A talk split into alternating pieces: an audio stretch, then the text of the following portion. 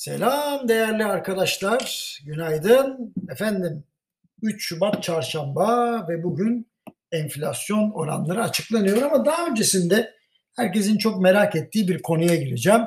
Gerçekten küçük balık büyük balığı yuttu mu? Herkes buna çok inandı. Şimdi sevgili dostlar sanıyorum kahramanlar yaratmak insanlık tarihi kadar eski bir alışkanlık. Dün de öyleydi, bugün de böyle. Ancak zamanın ruhu her şeye galip gelir kapitalist sistemin her yerinden su aldığını söylediğimde eleştiri aldığım gibi bugün de büyük reseti kapitalist sistem yaşasın diye atıyorlar dedim eleştiriliyorum. Şimdi size sosyoekonomik ve psikolojik bir tahlil yapayım. Bir kere büyük işler yapan herkesin az ya da çok megaloman eğilimi olur. Kendini beğenmenin üzerinde bir deneyim bu elbette. Siyasi sistemleri değiştirmekten uzaya gitmeye, ard arda şampiyon olmaktan sinema yıldızlığına kadar her yerde geçerlidir bu. Çoğu zaman da hatayı beraberinde getirir. Çoğunlukla bir başka kişi ya da kesimi olan öfkeyle başlayan bir dalganın tepesinde umulmayan bir zirveye konu verir kişi. Yüksekten bakınca farklı gözükür her yer. Dünyaya hatta yıldızlara bile hakim olacağını sanan olur. Şimdi son yaşanan gelişmeler küçük yatırımcılardan oluşan büyük bir grubun bankaları ve finansal kurumları alt ettiğine dair bir efsane yarattı diyebilirim. Hatta beklenen kişi diyerek küçük yatırımcının imdadına koşan bir kahramanın varlığını da bu efsaneye ekledik. Şimdi benim gibi kuşkucuların yaptıkları yorumları sinirlerek kardeşim sen bilmiyorsun küçük yatırımcının intikamı işte bu falan diye bağıranlara tek tavsiyem şu siz meselenin sonucunu bekleyin. Her şeyden evvel piyasadan büyük kimse yok. Bunu sayısız defa söyledim. Bunu belirteyim. Şimdi ister boomer, ister X, Y ya da Z olsun. Bu gerçek değişmez.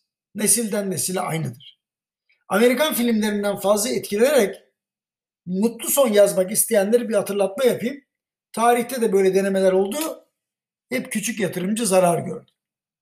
Ancak anladığım şu.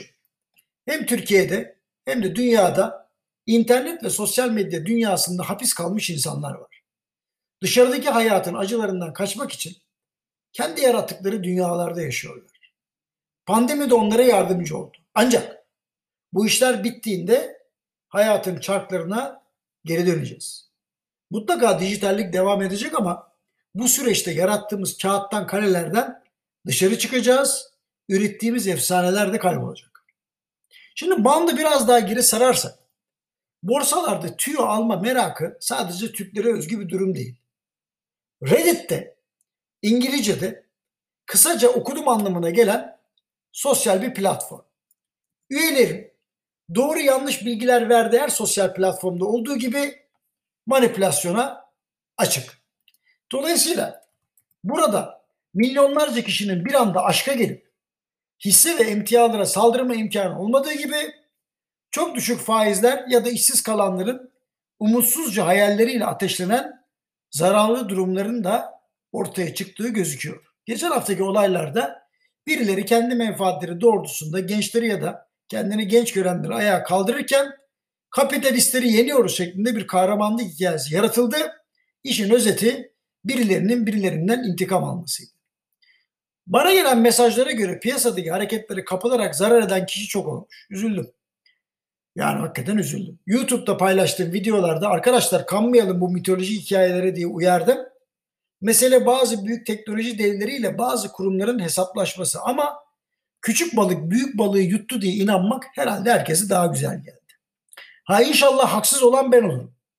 Ve dünyanın muhtelif yerlerinde zarara uğrayan masumların sayısı artmaz. Gümüşten örnek vereyim. Önce yatay seyir, sonra sert yükseliş, düşüş, biraz yükseliş, sonra sert düşüş. Şimdi benim bahsettiğim bu seyire hiçbir küçük yatırımcı dayanamaz. Dolayısıyla bu çarpışmanın küçük yatırımcı lehine olduğunu söylemek pek mümkün değil. Ha bu arada dün itibariyle Elon Musk Twitter'a ara verdim diye meydanlardan çekildi ya da çekilirmiş gibi yaptı.